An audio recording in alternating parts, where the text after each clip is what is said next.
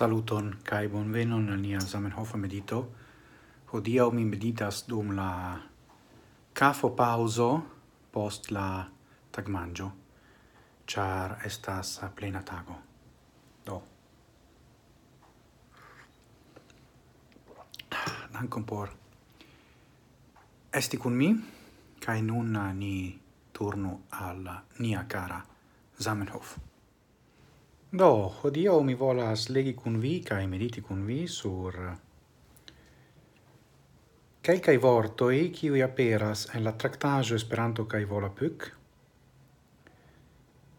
facta en la Daurigo, pagio ducent septec tri, en uh, Zamenhof eh, uh, concedas che Volapuco estas supera ol uh, Esperanto en unu punkto. Scribas Zamenhof. Restas al mi nun ancora analisi la lastan bonan flancon de Volapük, gian mal longetson. En tiu ci puncto, mi diras gin tute mal covrite, la Volapük staras absolute pli alte ol la lingvo Esperanto. Do, sufficias. Cial mi volas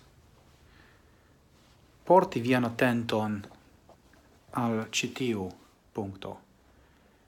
Char calc foie estas discutoi, to factem ofte estas discutoi pri la taugezzo de iu au alia vorto en Esperanto.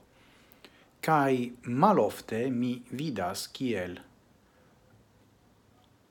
argumento la longhezzo de la vorto electata. Do, dum la electofaso povas esti bone ancau, kiel unu e la multae factoroi compreneble, pripensi ancau la nombro da silaboi, eh, kiui consistas, consistigas facte, la vorton mem. Do ne nur por uh, poesia e chialoi, sed quelquefoie ancao por proso. Do temas pri vere eta detalo hodiau, ca jest estas ium dum la cafo pauso, kai do kiel ciam, coran dankon, gis morgau, kai antauen, sen fine.